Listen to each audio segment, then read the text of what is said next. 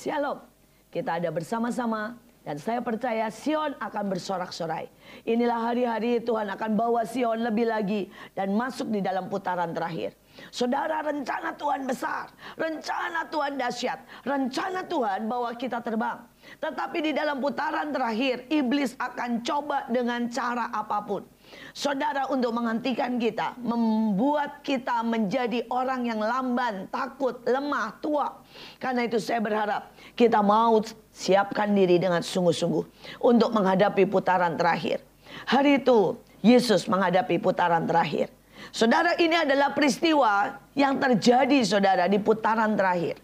Yesus tahu waktunya tinggal sedikit lagi. Dan dia harus naik ke atas salib. Dia harus mengalami begitu banyak. Saudara dan di putaran terakhir dia menghadapi sebuah tantangan. Kita semua tahu ceritanya tentang Lazarus. Saudara orang yang dia kasihi meninggal. Dan hari itu saudara Yesus mengalami penolakan. Yesus mengalami ancaman. Yesus mengalami saudara banyak ketidakmengertian. Tetapi saya mau kita belajar apa yang kita hadapi di putaran terakhir. Bagaimana Yesus bersikap? Bagaimana pesan Yesus di putaran terakhir? Pada saat dia menghadapi Lazarus. Kita tahu ujungnya.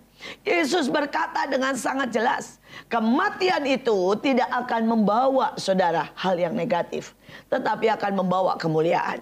Saudara, apa pun yang terjadi dalam hidup kita, percayalah bersama Tuhan, itu tidak akan membawa yang negatif, tetapi membawa kemuliaan.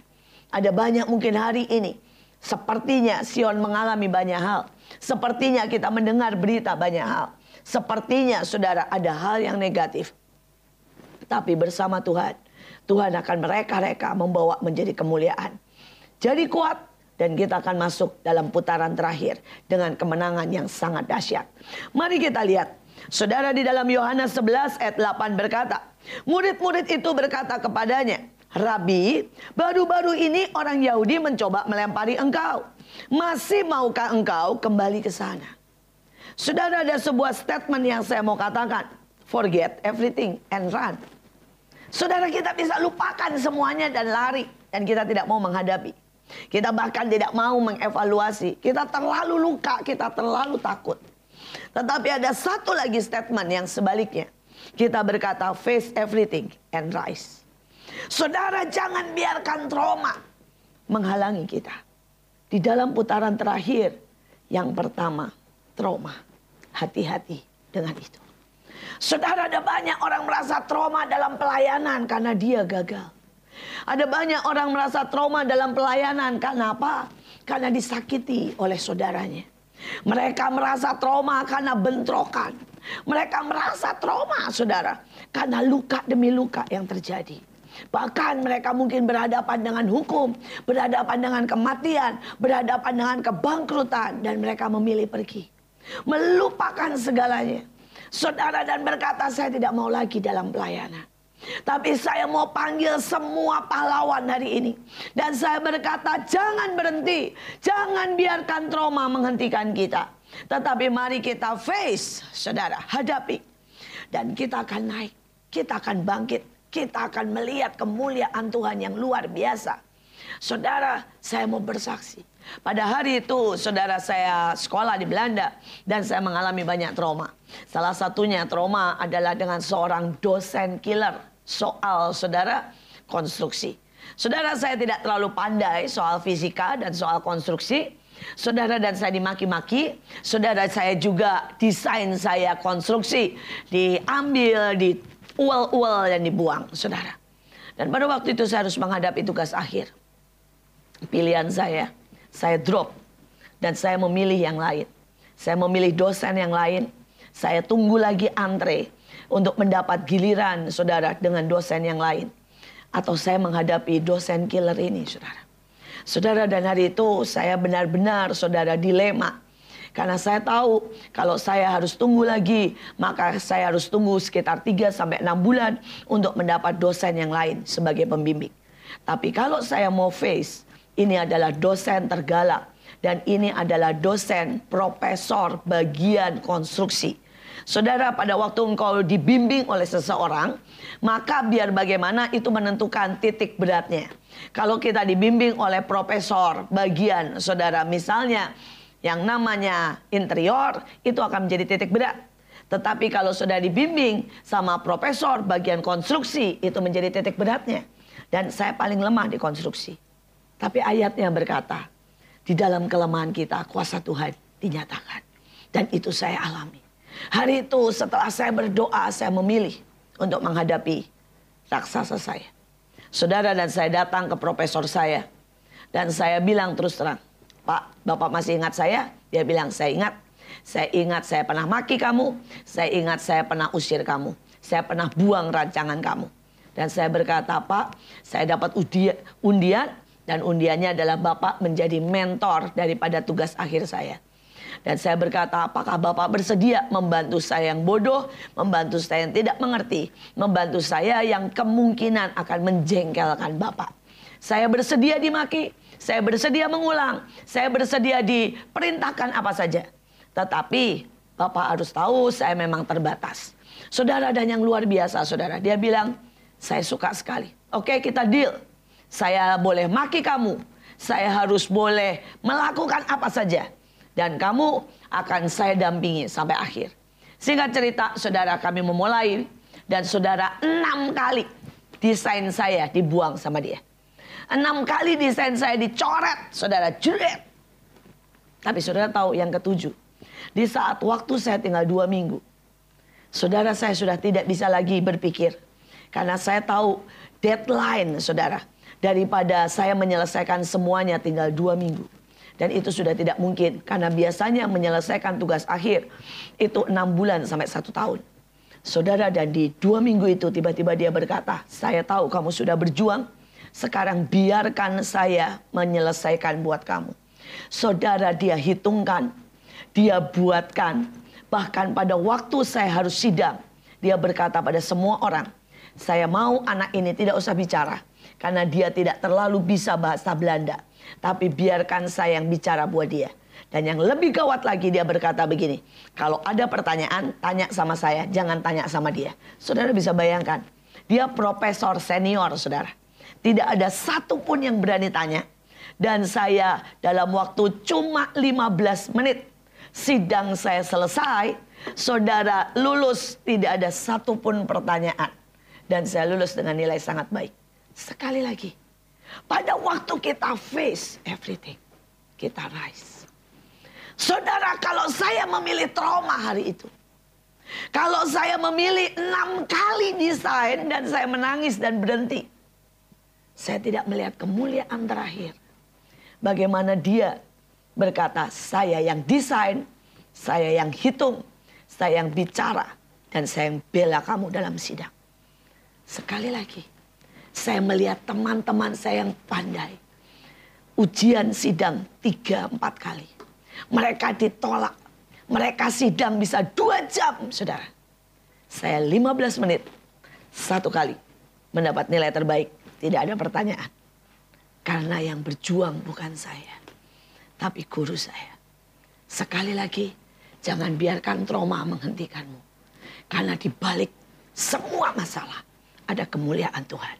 Kita lihat yang kedua, saudara. Kita lihat yang kedua, Yohanes 11 ayat 11. Tetapi jikalau seorang berjalan pada malam hari, kakinya terantuk. Karena terang tidak ada di dalam dirinya. Saudara hari itu pada waktu muridnya berkata, Tuhan ada yang mau lemparin batu.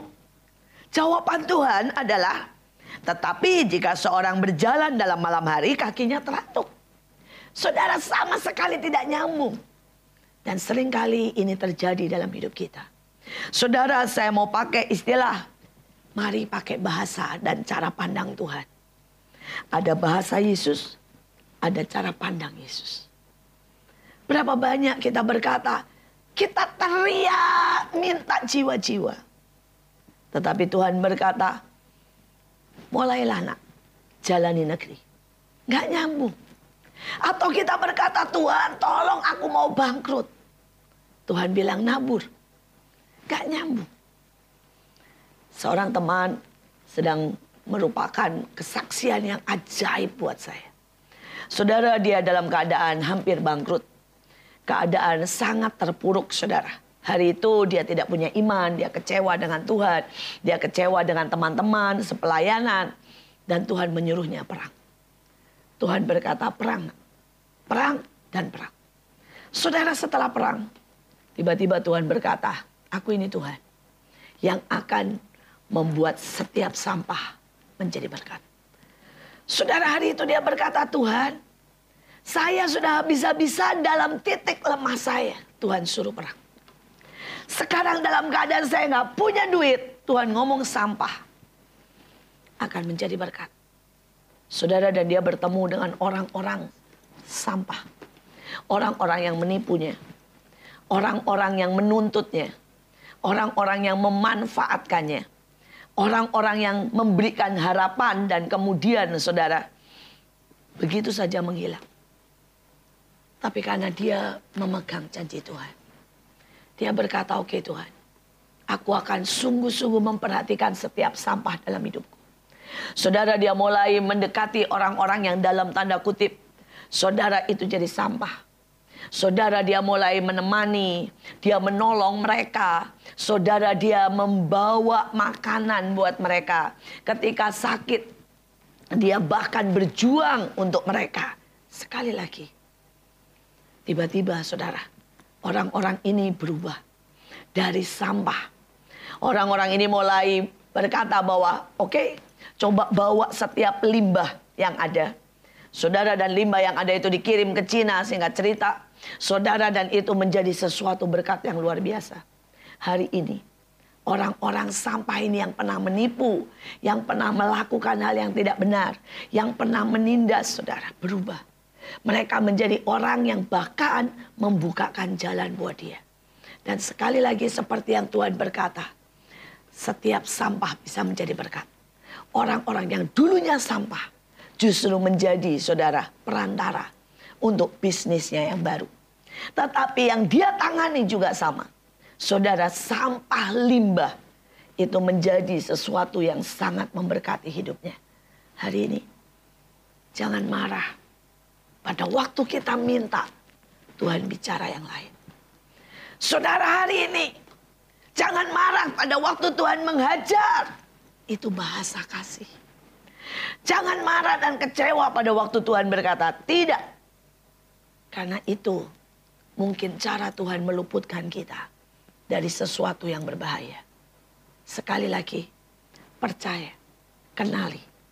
Ada bahasa Yesus, cara pandang Yesus, planning Yesus yang berbeda dengan kita.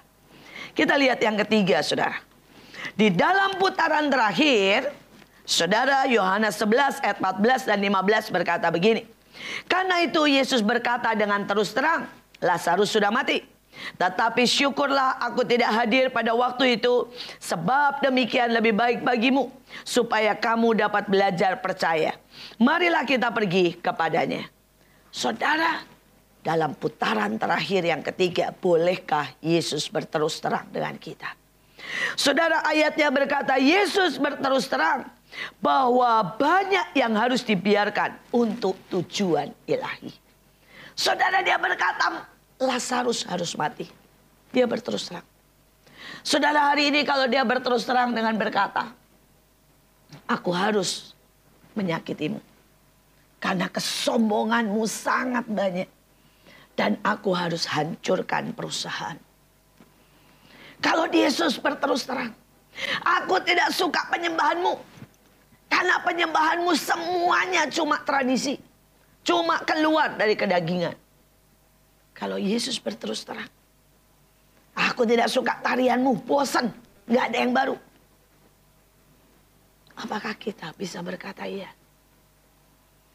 Ataukah kita marah, tertolak, dan kecewa? Saya bersyukur Tuhan berterus terang dalam hidup saya. Saudara dan setiap kali Tuhan berterus terang dalam hidup saya, itu menjadi sebuah lompatan ajaib. Saudara, saya baru mengalami sesuatu. Kami barusan pergi ke 34 provinsi dan kami mau menyiapkan tujuh langkah. Mulai dari pertobatan, saudara ya. Dan sampai langkah-langkah selanjutnya. Saya tahu banyak penari ikut bersama-sama. Terima kasih karena Sion ikut melakukan tujuh langkah. Saudara dan hari itu saya memilih Bantar Gebang, saudara. Sebagai tempat, sebagai tempat untuk saya mengekspresikan cinta saya. Mengajak orang-orang berdoa, mengajak orang menyembah Tuhan. Saudara dan saya keluar uang cukup banyak. Saya kasih uang dan saya berpikir saudara semua akan lancar. Dan saya akan melihat hadirat Tuhan di sana. Sejujurnya saudara pada hari H saya ke sana dan cuaca panas sekali. Saudara sehingga orang tidak bisa merasakan hadirat Tuhan karena kepanasan. Saudara orang juga susah berlutut karena kepanasan. Saudara orang juga susah konsentrasi karena kepanasan. Pada waktu kita berdoa untuk datang saudara awan, tiang awan tidak terjadi apa-apa. Saudara dan saya pulang setelah bagi sembako, walaupun kita tetap melakukan apa pun, saudara seperti yang seharusnya tujuh langkah, saudara tidak terjadi apa-apa.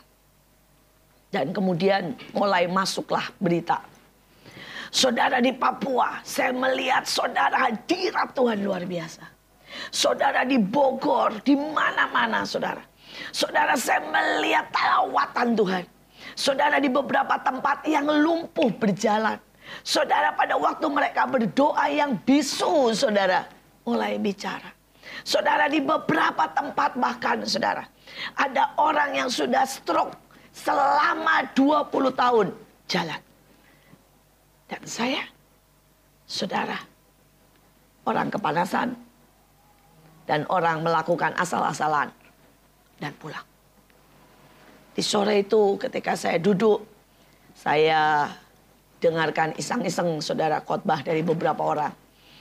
Dan kemudian saya pasang, saya dengar khotbah. Dan saya merasa itu suara Tuhan yang sangat berterus terang. Tuhan berkata, jangan jadi veteran. Jangan jadi pemain mahal. High maintenance. Mahal harganya. Mahal perawatannya. Mahal cara diperlakukannya. Minta fasilitas mahal dan sangat sedikit hasilnya. Tiba-tiba Tuhan berkata, kamu mau tahu nilaimu berapa? Tuhan bilang nilaimu tiga. Sedang yang lain sembilan, delapan, dan sepuluh. Hari itu Tuhan berterus terang. Tuhan berkata, apakah engkau mau tetap seperti itu? Semakin hari semakin mahal. Semakin hari semakin besar perawatannya. Minta fasilitas. Mau yang gampang. Dan Tuhan mulai berterus terang juga. Tuhan bilang, kamu pikir aku butuh uangmu? Kamu pikir uang bisa mendatangkan lawatan? Kamu pikir uang bisa mendatangkan masa?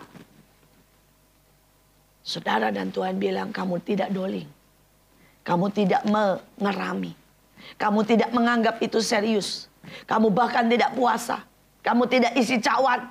Dan kamu berharap, kata Tuhan, akan terjadi lawatan hari itu. Saudara, saya tahu saya melakukan sebuah kesalahan besar. Saudara, saya menua. Saya menjadi gemuk. Saya menjadi manja. Saya menggampangkan banyak hal. Saudara, hasilnya nol.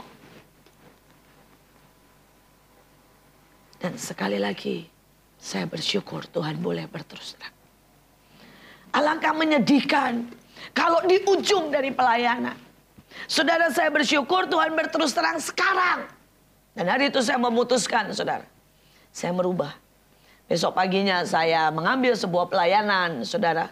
Dan pelayanan itu jauh ke pelosok. Perjalanan 6 jam masuk ke pelosok ke tengah hutan. Kemudian saudara khotbah beberapa jam tanpa AC, tanpa apa pun dan pulang lagi saudara 6 jam. Saya hampir nggak tidur saudara lebih dari 30 jam. Dan saya berkata Tuhan, ini nggak ada apa-apanya, ini nggak bisa nebus banyak hal. Tapi ini mendidik saya untuk saya tidak menjadi tua dan manja. Tuhan ini nggak bisa menebus sehingga saya bisa kasih angka tujuh, nggak bisa.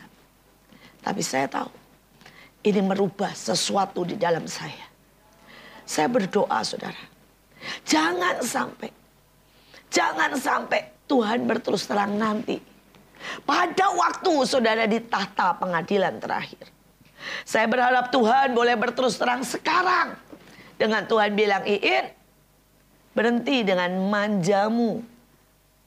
Berhenti dengan semua yang membuat engkau sudah tidak bisa berlari begitu cepat. Karena itu saya berdoa, kita semua minta. Tuhan, please berterus terang. Please berterus terang. Saudara kita lihat yang keempat. Saudara akan ada selalu negatif thinking ataupun suara yang negatif. Mari kita lihat Yohanes 11 ayat 16. Lalu Thomas yang disebut Didimus berkata kepada teman-temannya yaitu murid-murid yang lain. Marilah kita pergi juga untuk mati bersama-sama dengan dia. Saudara negatif adalah penyakit. Ada banyak orang saudara mereka tidak sadar dalam putaran terakhir berpikir negatif, berkata negatif, saudara dan bahkan saudara seluruh hidupnya, kacamatanya, cara pandangnya negatif. Ada begitu banyak yang indah saudara, tapi dia lihat misalnya satu aja peristiwa. Mungkin anaknya baru saja kecelakaan, mungkin dan kecelakaannya pun cuma motor ditabrak Saudara dia tidak bersyukur karena punya motor, karena anaknya sudah dewasa, karena dapat berkat, karena bisa melayani. Tapi dia bilang begini, ini loh gara-gara pelayanan jadi anak saya tabrakan. Ini cara pandang yang negatif. Saudara bayangkan hari itu ada seseorang dapat berkat sangat banyak. Dia harusnya cuma seorang saudara lulusan SD. Diangkat Tuhan luar biasa sampai keliling Indonesia. Saudara main keyboard, bersaksi, melayani Tuhan. Dan hari itu, saudara dia cuma harus pindah dari ratu rumah kontrakan ke rumah kontrakan lain. Dan ada orang yang mengejeknya dan berkata, pelayanan-pelayanan kok belum punya rumah. Dan tiba-tiba saudara semua yang baik yang Tuhan buat, saudara hilang begitu saja. Saudara dan dia mulai berkata, Tuhan mana berkatku? Kenapa aku masih ngontra? Saudara dan semua yang negatif.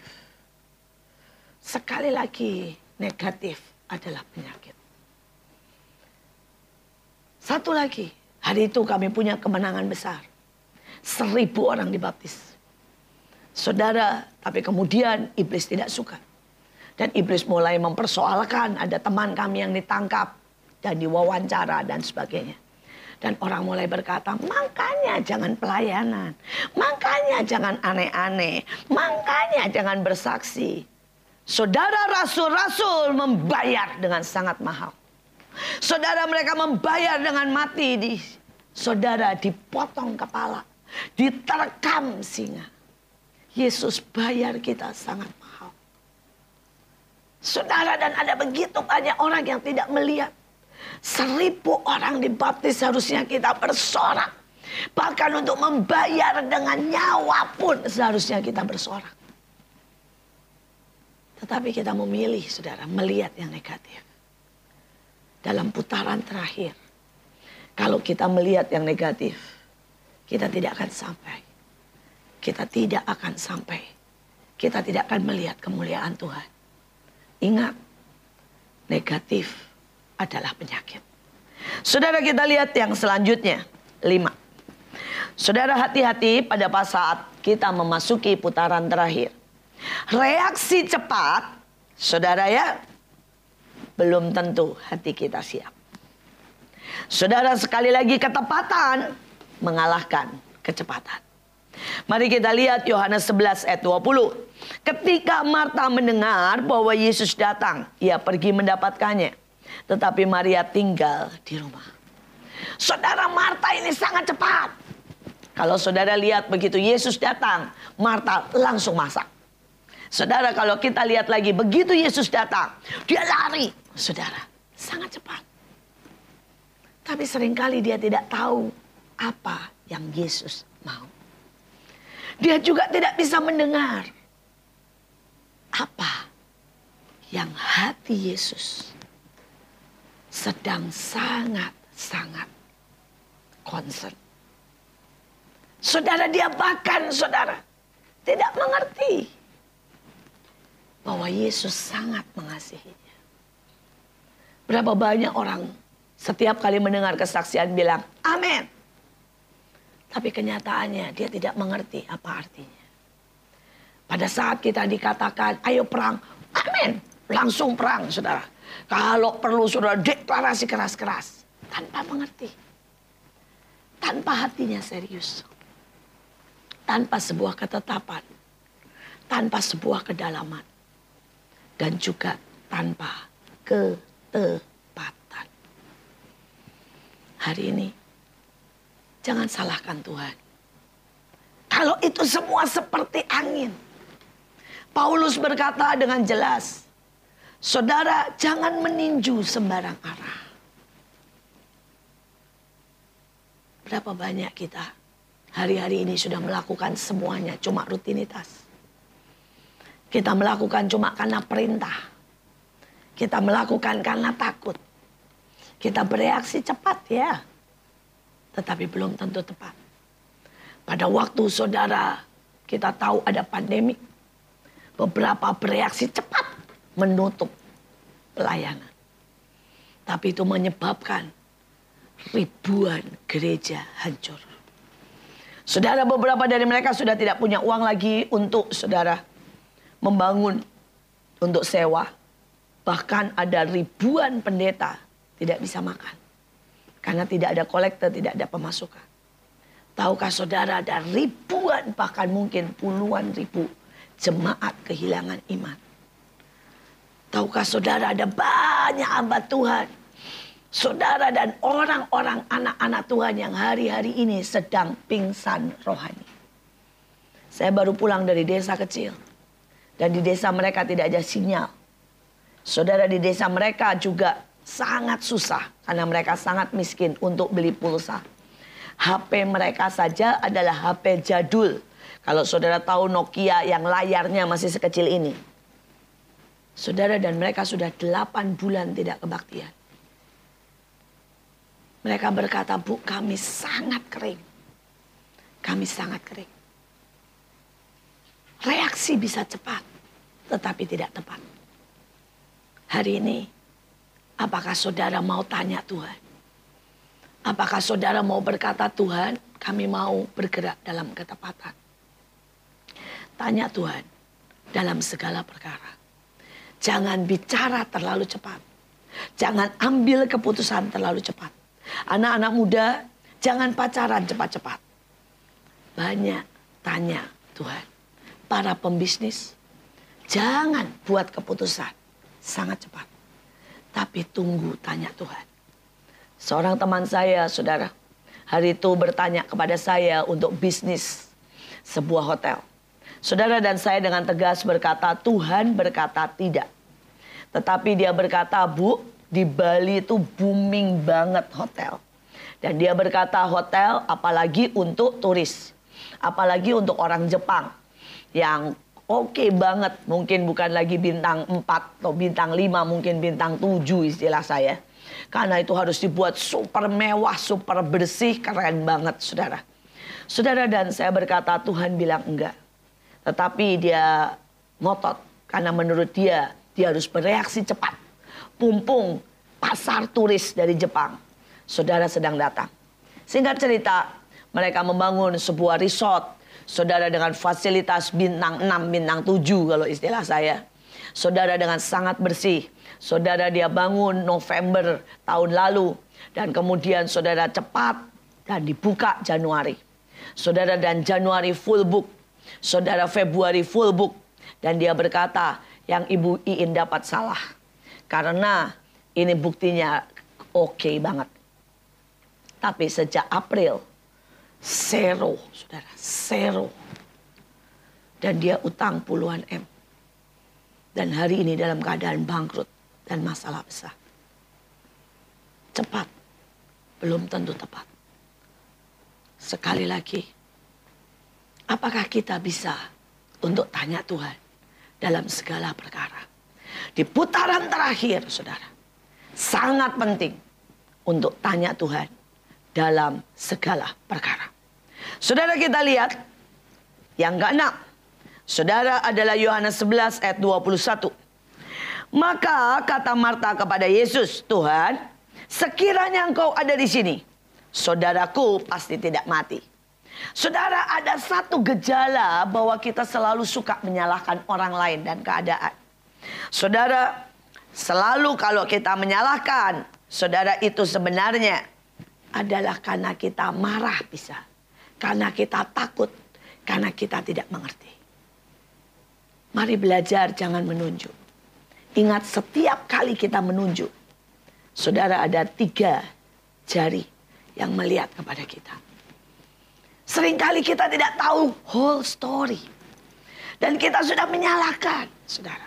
Seringkali kita tidak tahu rencana Tuhan dalam hidup kita. Saudara bayangkan kalau Yusuf menyalahkan Tuhan dan berkata, "Karena aku memilih tidak berzina, maka aku masuk ke dalam penjara." Saudara bayangkan kalau Daud menyalahkan Tuhan. Karena aku membunuh Goliat, taat kepadamu, ujungnya aku hampir dikejar-kejar dan dibunuh oleh Saul. Seringkali kita terlalu cepat menyalahkan. Kita tidak lihat di depan. Di depan. Kalau Daud, saudara tidak pernah bekerja di bawah Saul. Dia tidak belajar apa artinya ditinggalkan oleh roh Allah. Dia tidak belajar bagaimana orang bisa menjadi stres kalau dia menjadi seorang raja. Dia tidak belajar mengejar Tuhan di atas segalanya. Saudara 13 tahun dia dikejar-kejar oleh Saul. Adalah sebuah fondasi yang sangat dalam. Yang membuat dia tahu kehambaan. Tahu saudara melekat kepada Tuhan. Tahu bagaimana meletakkan tahta. Tahu bagaimana saudara menaruh Tuhan sebagai raja dan dia sebagai hamba. Saudara perjalanan Yusuf 13 tahun. Membuat dia menguasai orang jelek, orang baik. Dia tahu budaya Mesir. Dia bisa berbahasa Mesir dengan baik. Dan dia menguasai preman. Dia menguasai seluruh kondisi saudara tanah Mesir. Membuat dia menjadi penguasa terhebat sepanjang masa. Jangan salahkan keadaan. Jangan salahkan Tuhan. Tapi mari berdoa, Tuhan, aku percaya. Dan engkau sanggup merekayasa segala sesuatu menjadi kebaikan. Mari jadi orang berhikmat, jadi orang yang belajar dalam segala sesuatu. Maka saudara akan terus naik.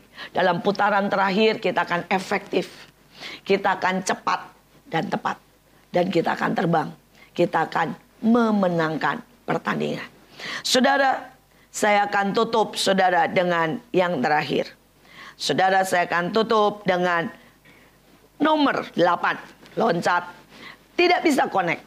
Yohanes 11 ayat 27 28 jawab Marta.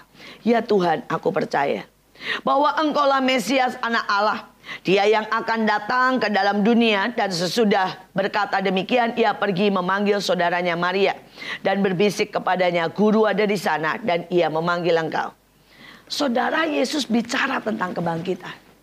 Yesus bicara tentang iman.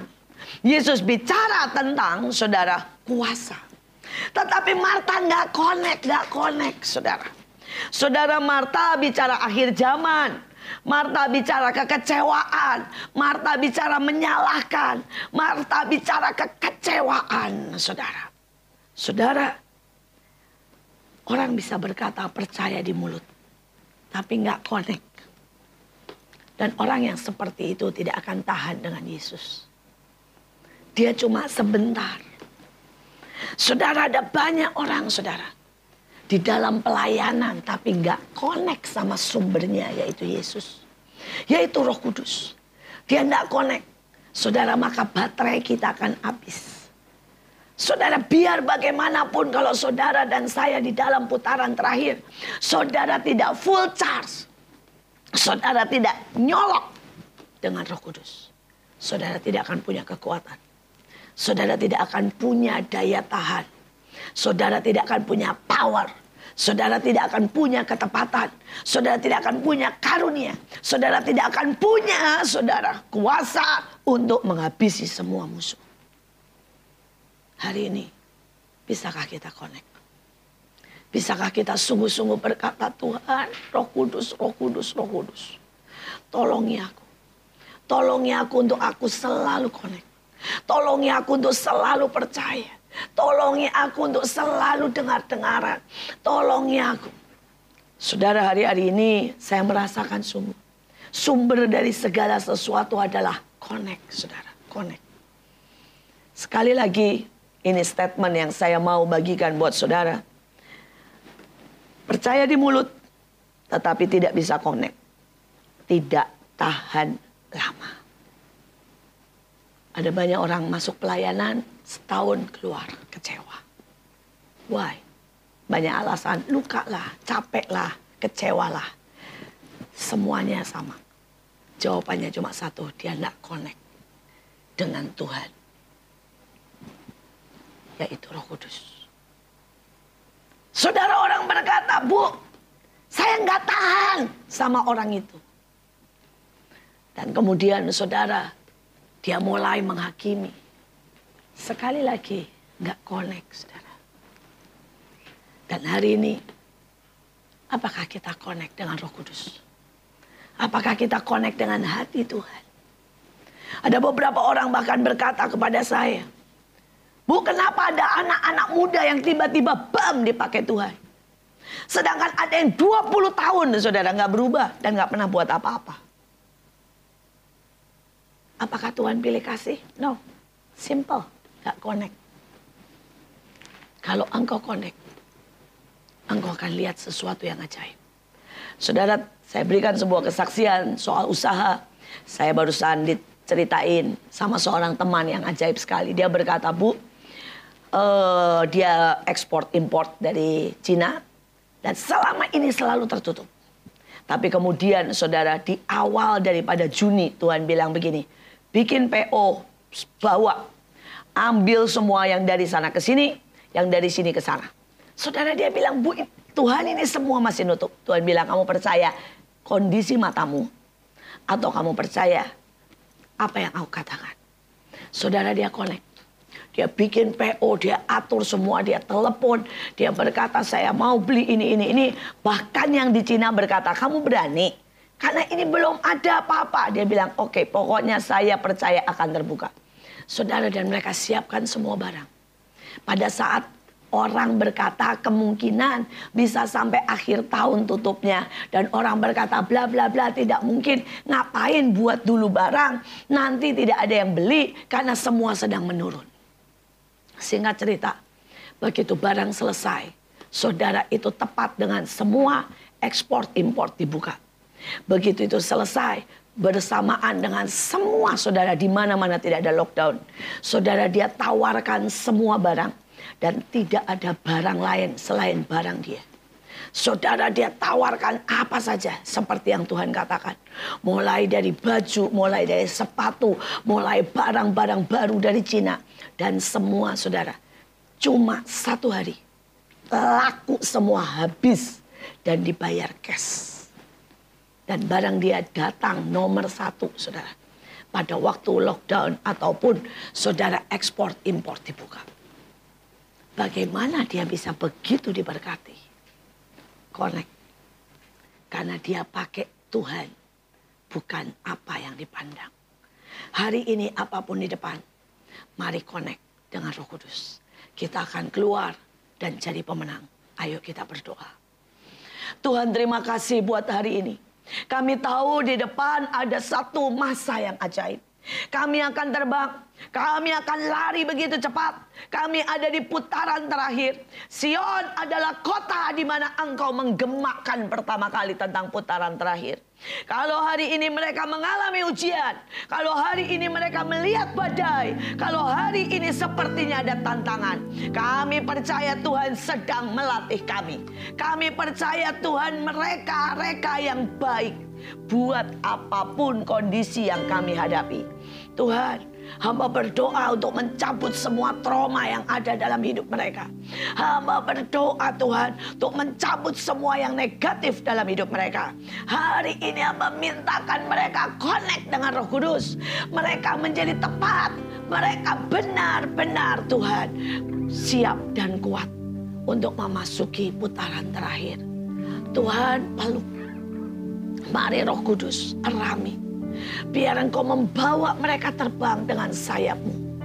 Karena kami tahu putaran terakhir harus menjadi sesuatu yang paling dahsyat. Dari kota ini bergema putaran terakhir.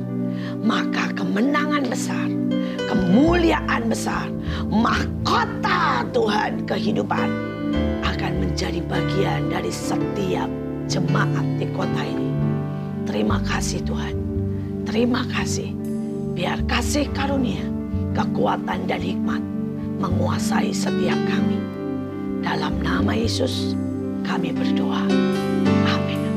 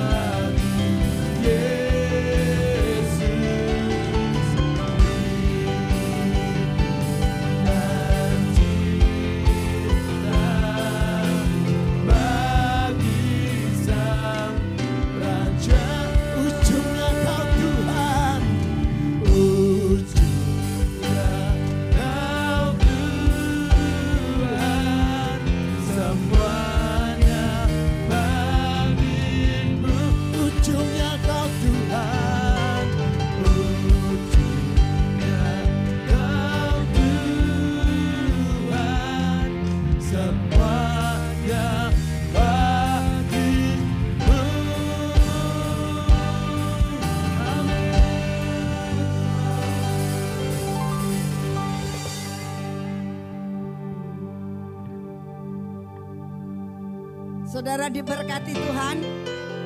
Saya percaya saudara diberkati Tuhan dengan firman Tuhan yang dibawakan oleh Ibu In ini.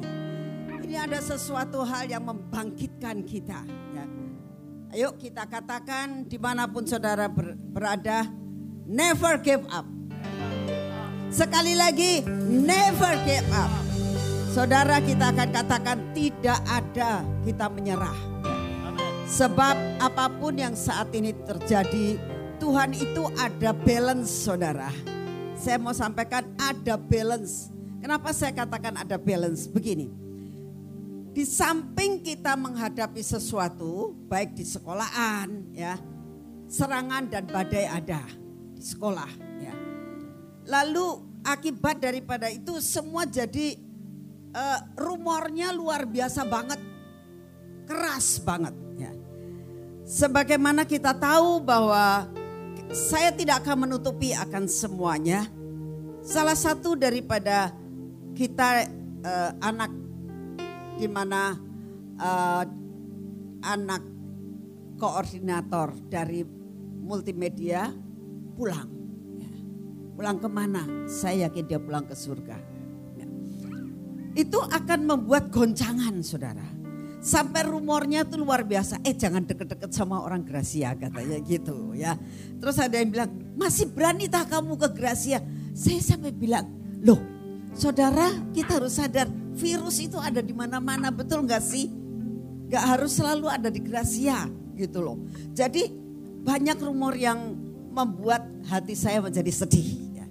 Tapi firman Tuhan hari ini mengatakan apa pun badai terjadi, saya percaya Tuhan itu balance saudara. Kenapa saya katakan balance ya? Dari satu sisi Tuhan itu melakukan sesuatu hal dan mengizinkan semua itu terjadi. Tapi di satu sisi Tuhan itu beri kekuatan dan penghiburan. Apa kekuatan dan penghiburannya? Yaitu terjadi banyak mujizat di taman Tuhan. Itu yang saya merasakan Tuhan kau tuh balance. Kita tidak akan tergeletak, kita tidak akan jatuh berkepanjangan karena Tuhan nunjukkan aku tuh masih punya mujizat loh nak. Engkau bisa melihat. Nah, salah satu hal di taman Tuhan tuh ada banyak ornamen ya. Tiba-tiba sebelum terjadi adanya musibah meninggalnya salah satu anak dari koordinator multimedia ini itu satu ornamen faith yaitu iman itu tiba-tiba keluar minyak. Nah, pada saat keluar minyak saya tuh mikir gini, kok udah lama nggak keluar, tiba-tiba keluar minyak itu. Ya. Saya berdoa Tuhan, Tuhan katakan nak, anak-anakku butuh yang namanya iman. Anak-anakku butuh yang namanya percaya penuh tak tunjukkan nih, bahwa sesuatu yang mustahil menjadi tidak mustahil. Oh Tuhan. Kadang-kadang kita merasakan kalau yang mustahil menjadi tidak mustahil itu sesuatu yang kita pengen. Tapi Tuhan punya rencana seperti yang tadi Ibu In katakan. Bisakah kita terima pada saat kita minta sesuatu dan Tuhan memberikan yang lain seolah bertentangan. Tapi ada balance, itu yang membuat saya tuh suka cita banget. Sehingga saya tahu minyak ini akan sampai ke ujung bumi pada masa-masa iman mulai runtuh. Saudara, yang kedua, saat-saat yang seperti ini, tiba-tiba saudara, satu ornamen bintang Daud itu sudah lama sekali nggak keluar minyak. Tapi satu saat Tuhan mengatakan begini, Nah itu ornamennya kurang. Kurang apa ya Tuhan? Itu kasih belakangnya dikasih tatakan. Oh ya. Saya bilang ke Pak Gideon, Pak itu bintang Daudnya belakangnya kasih tatakan ngerti ya Pak maksudnya. Jadi diketempel tuh Pak, ketempel. Oh ngerti-ngerti. Akhirnya diterap, dibuatkan dalam relatif singkat. Saya bersyukur punya uh, wakil yang begitu luar biasa yang tadi Ibu In katakan connect ya. Jadi apa yang saya pengen kan nggak pakai digambar saudara. Cuma saya tele WA Pak maksudnya ngerti ya? Ngerti-ngerti gitu. Ya. Karena apa? Connect Saudara. Kalau ada connect itu bisa sehati. Ya. Jadi akhirnya dibikin dan diterapkan. Saya doakan Tuhan apa rencanamu? Eh Tuhan tunjukkan dari satu sisi kita mengalami banyak masalah. Tapi dari satu sisi Tuhan celikan mata saya. Aku masih ada nak. Aku masih ada di sini. Aku masih menyatakan kuasaku. Kuasamu. Kuasaku. Itu keluar minyak Tuhan. Baunya luar biasa. Sangat berbeda dengan yang lain. Dan saudara tahu ini sudah ada sepuluh minyak yang punya satu dengan yang lain sangat berbeda wanginya. Kenapa bisa? Tuhan tunjukkan mujizat. Pada masa-masa kamu dalam kesesakan, pada masa-masa kamu mengalami sesuatu, aku akan katakan, jangan takut, ini aku masih ada. Amin.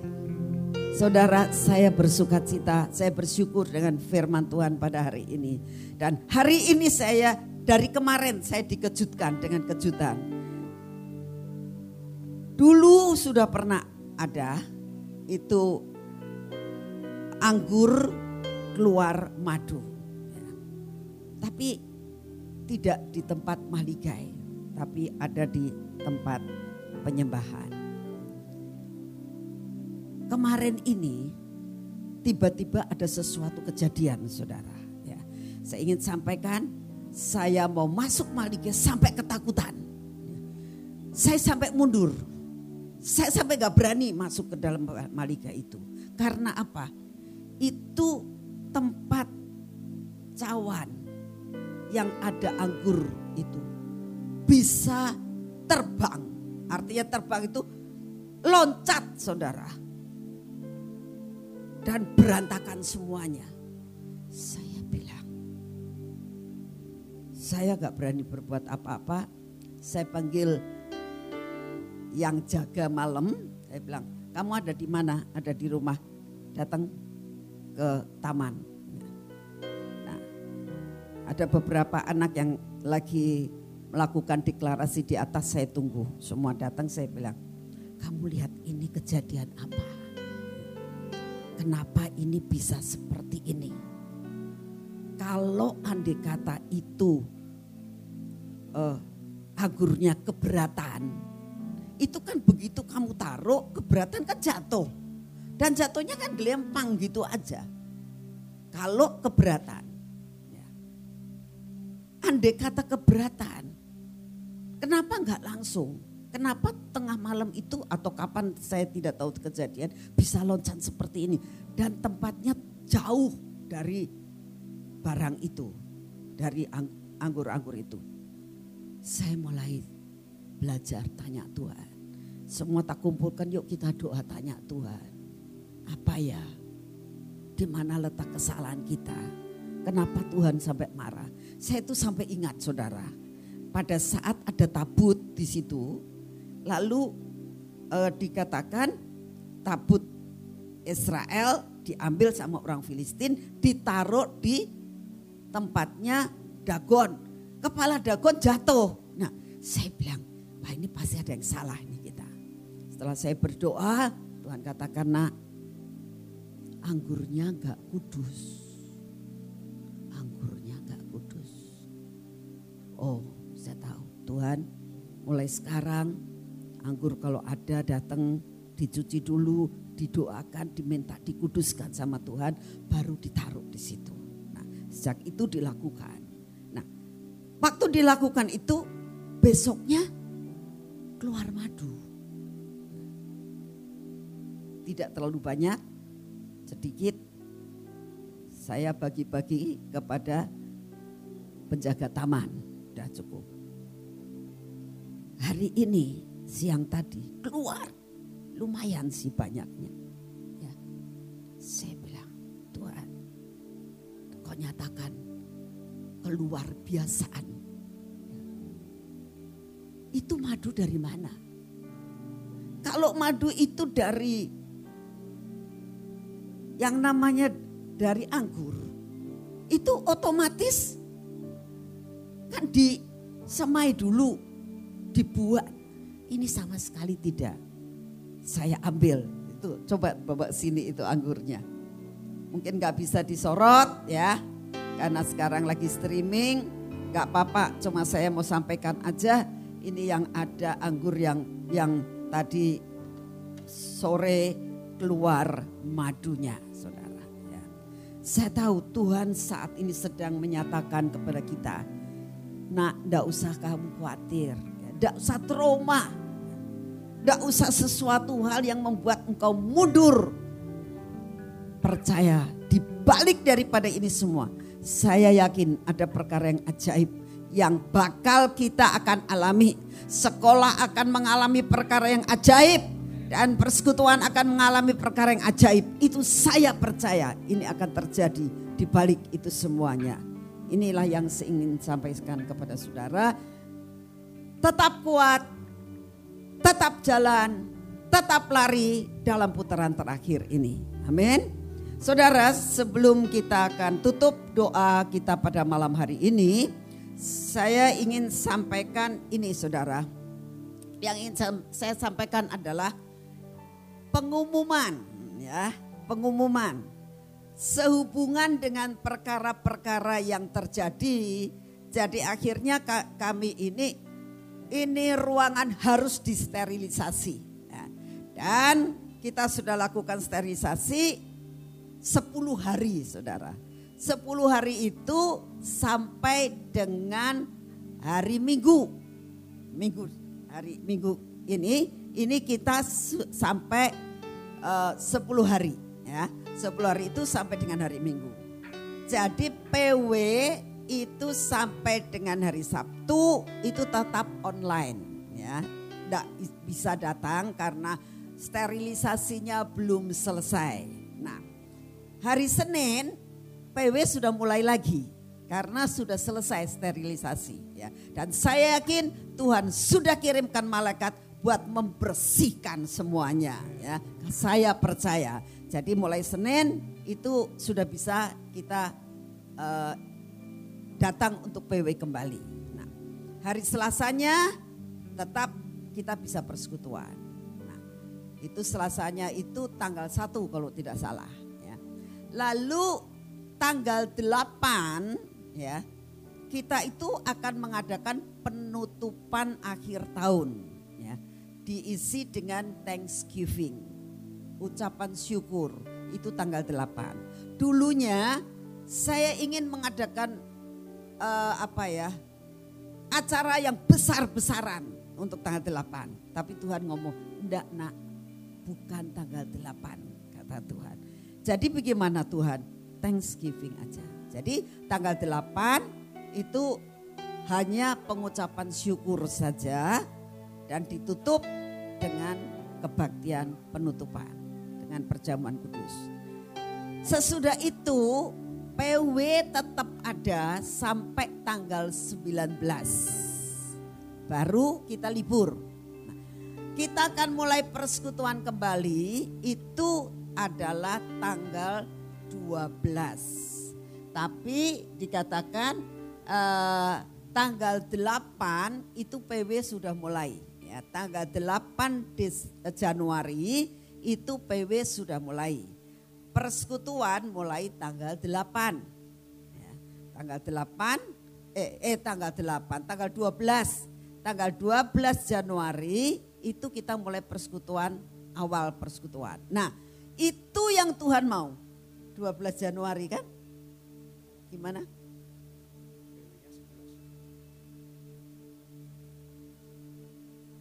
Oh iya iya. PW-nya jadi 11, 11. Iya benar. Kita tanggal 12 jadi satu hari sebelum persekutuan itu kita PW mulai ya. Jadi PW mulai tanggal 11 tanggal 12 kita persekutuan. Nah, ini yang Tuhan mau, persekutuan yang tanggal 12, Tuhan akan membuat sesuatu hal yang luar biasa. Ya. Firman yang mengatakan, aku akan membuat perkara-perkara yang baru. Nah itu yang akan diterangkan di dalam tanggal 12 Januari. Nah, selain itu Tuhan akan memberikan perkara-perkara yang ajaib. Ya. Ajaibnya salah satu kami akan membagikan di 10 minyak tak jadikan satu, di, dicampur, dioplos. 10 minyak yang punya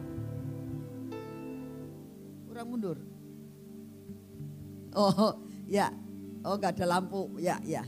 Jadi eh, 10 minyak yang keluar dari taman itu nanti akan dicampur dan dibotolin kecil-kecil.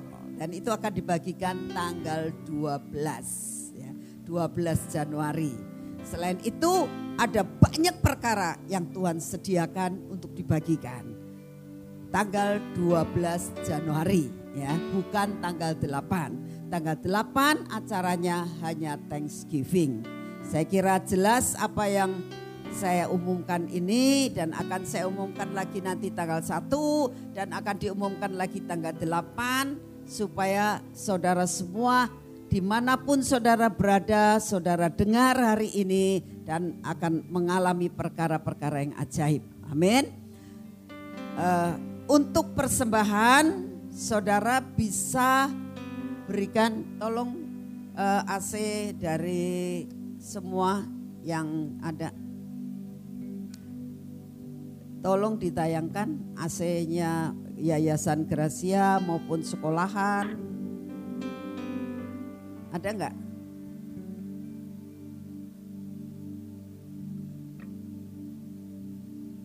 Saudara yang ingin memberikan persembahan, saudara bisa berikan dan dikirimkan, ditransfer kepada Yayasan Gracia maupun sekolah maupun uh, radio ya nanti sebentar akan ditayangkan.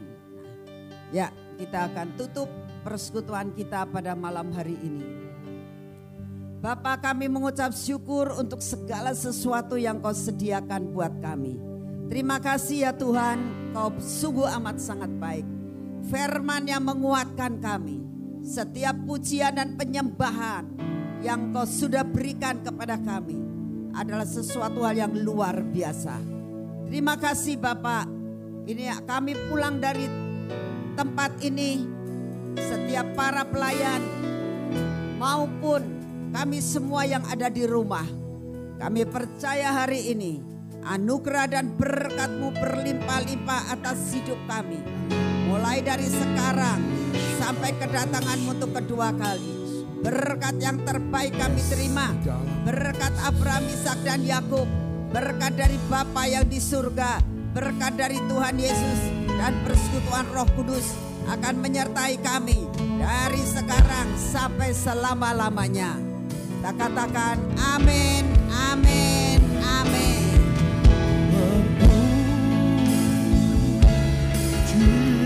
Jika